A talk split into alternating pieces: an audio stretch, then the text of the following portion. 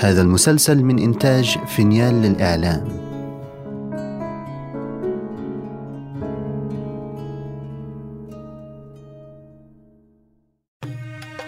كان يا مكان في بعيد البلدان. ملك يسهر ولا ينام إلا على قصص الإنس والجان. وبلغني أيضا أيها الملك السعيد أن رجلين كانا في مدينة الإسكندرية وكان أحدهما صباغا واسمه أبو قير وكان الثاني مزينا واسمه أبو صير وكانا جارين لبعضهما في السوق ثم إنهما اتفقا على السفر وحين عزما على السفر قال أبو قير لأبي صير نحن صرنا أخوي ولا فرق بيننا فينبغي أننا نقرأ الفاتحة. على أن عملنا يكتسب ويطعم بطالنا. وأخذا مصالحهما وأصبحا مسافرين ونزلا في غليون في البحر المالح. وسافرا في ذلك النهار وحصل لهما إسعاف. ومن تمام سعد المزين أن جميع من كان في الغليون لم يكن معهم أحد من المزينين وكان فيه مئة وعشرون رجلا غير الريس والبحرية. ولما حلوا قلوع الغليون قام المزين وقال للصباغ يا أخي هذا بحر نحتاج فيه إلى الأكل والشرب وليس معنا إلا قليل من الزاد. وربما يقول لي أحد تعال يا مزين احلق لي. فأحلق له برغيف أو بنصف فضة أو بشربة ماء. فأنتفع بذلك أنا وأنت. فقال له الصباغ لا بأس. ثم حط رأسه ونام. وقام المزين وأخذ عدته والطاسة ووضع على كتفه خرقة تغني عن الفوطة لأنه فقير. وشق بين الركاب. فقال لهث واحد تعال يا أسطى احلق لي. فحلق له. فلما حلق لذلك الرجل أعطاه نصف فضة. فقال له المزين ليس لي بهذا النصف الفضة. ولو كنت أعطيتني رغيفا كان أبرك في هذا البحر لأن لي رفيقا وزادنا شيء قليل. فأعطاه رغيفا وقطعة جبن وملأ له الطاسة ماء حلوا. فأخذ ذلك وأتى إلى أبا قير وقال له خذ هذا الرغيف وكله بالجبن واشرب ما في الطاسة. فأخذ ذلك منه وأكل وشرب.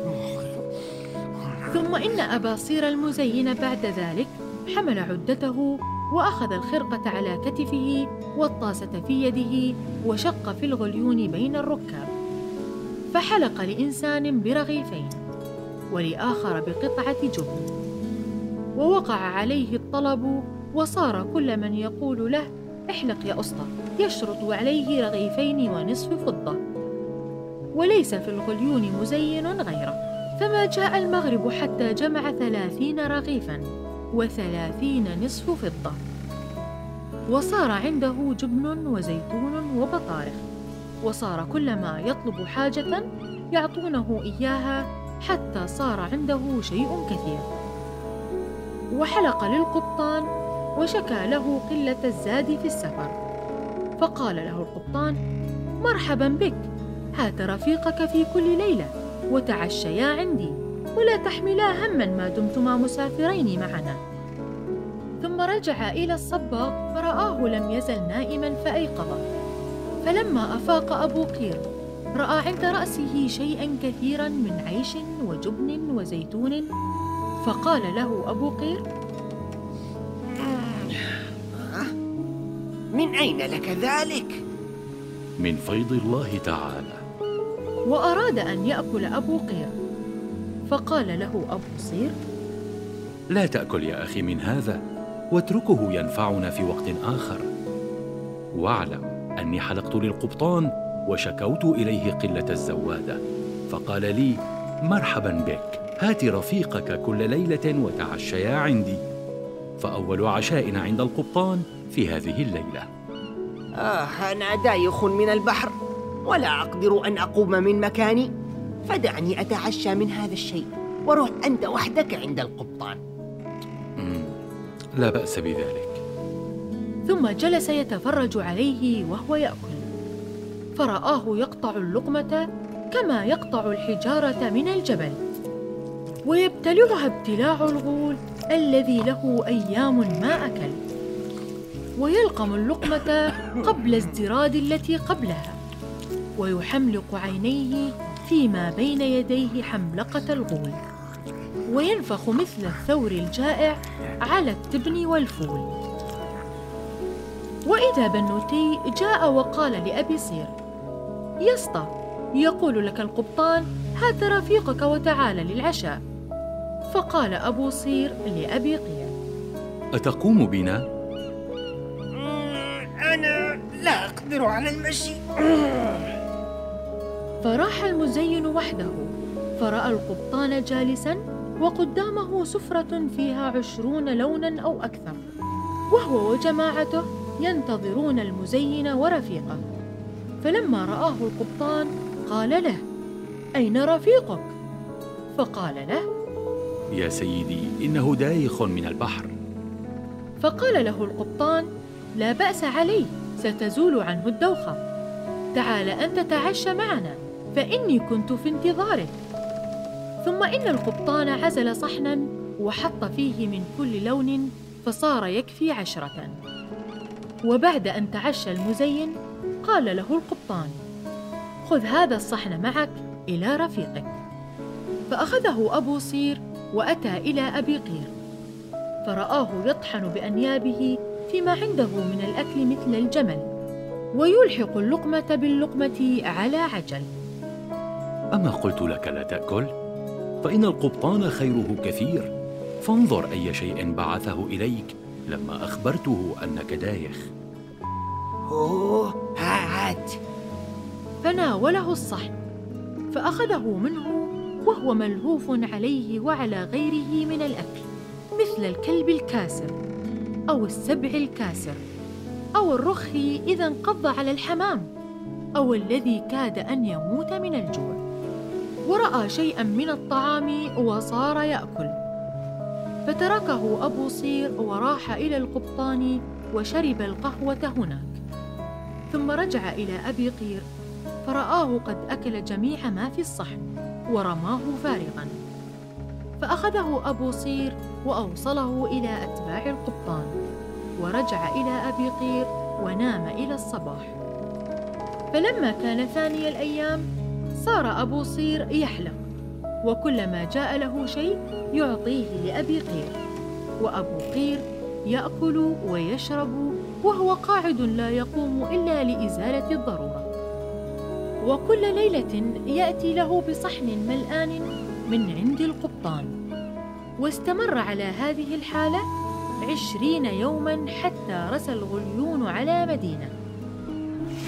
فطلعا من الغليون ودخلا تلك المدينة وأخذا لهما حجرة في خان. وفرشها أبو صير واشترى جميع ما يحتاجان إليه.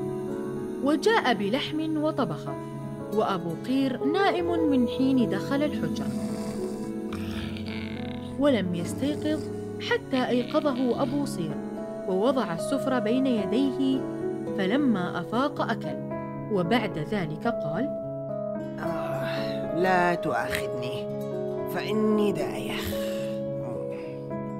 ثم نام واستمر على هذه الحالة أربعين يوما.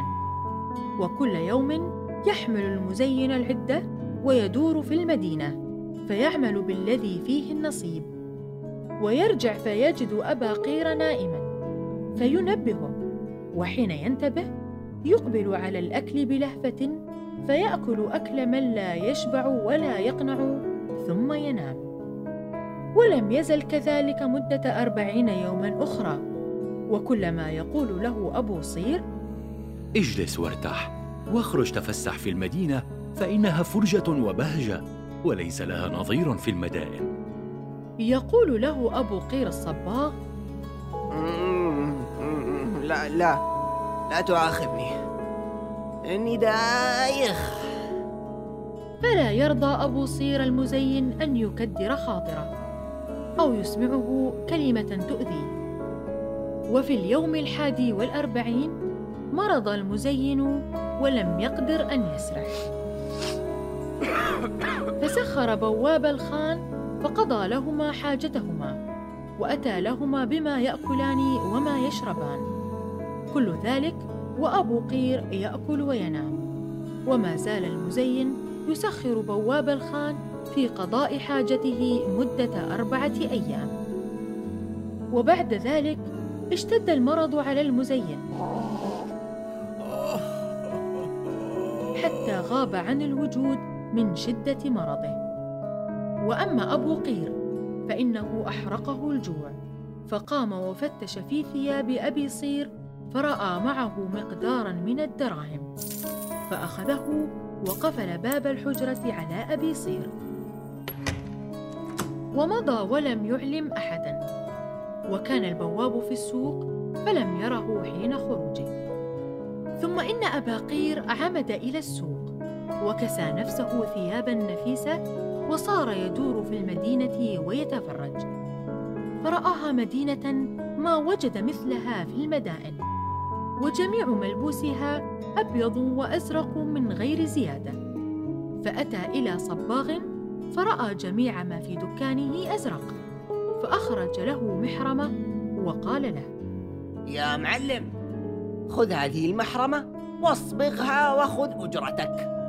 فقال له إن أجرة صبغ هذه عشرون درهما.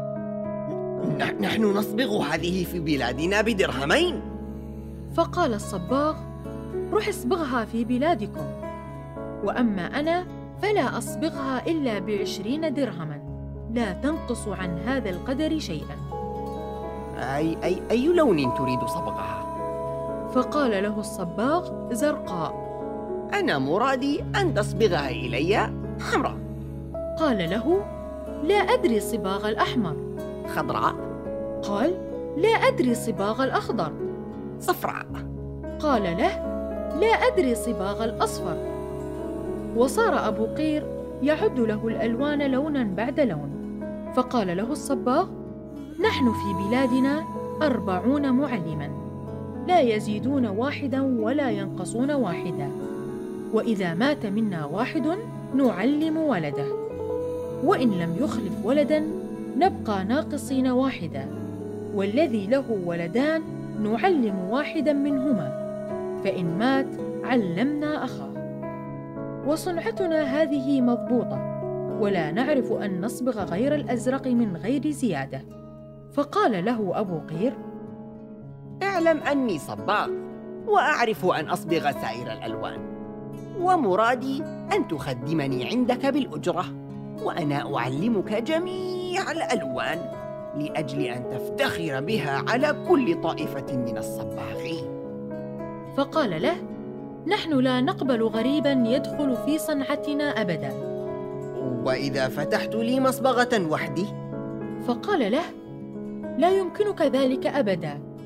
فتركه وتوجه للثاني فقال له كما قال له الأول ولم يزل يتنقل من صباغ إلى آخر حتى طاف على الأربعين معلما فلم يقبلوه لا أجيرا ولا معلما. فتوجه إلى شيخ الصباغين وأخبره.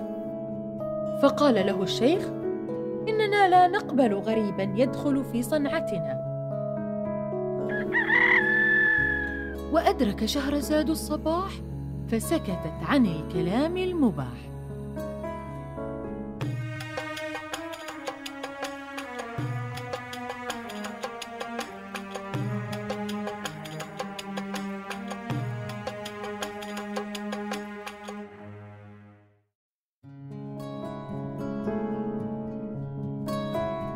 إذا استمتعتم بهذه الحلقة لا تنسوا الاشتراك لبث المسلسل ومتابعتنا على جميع منصات السوشيال ميديا.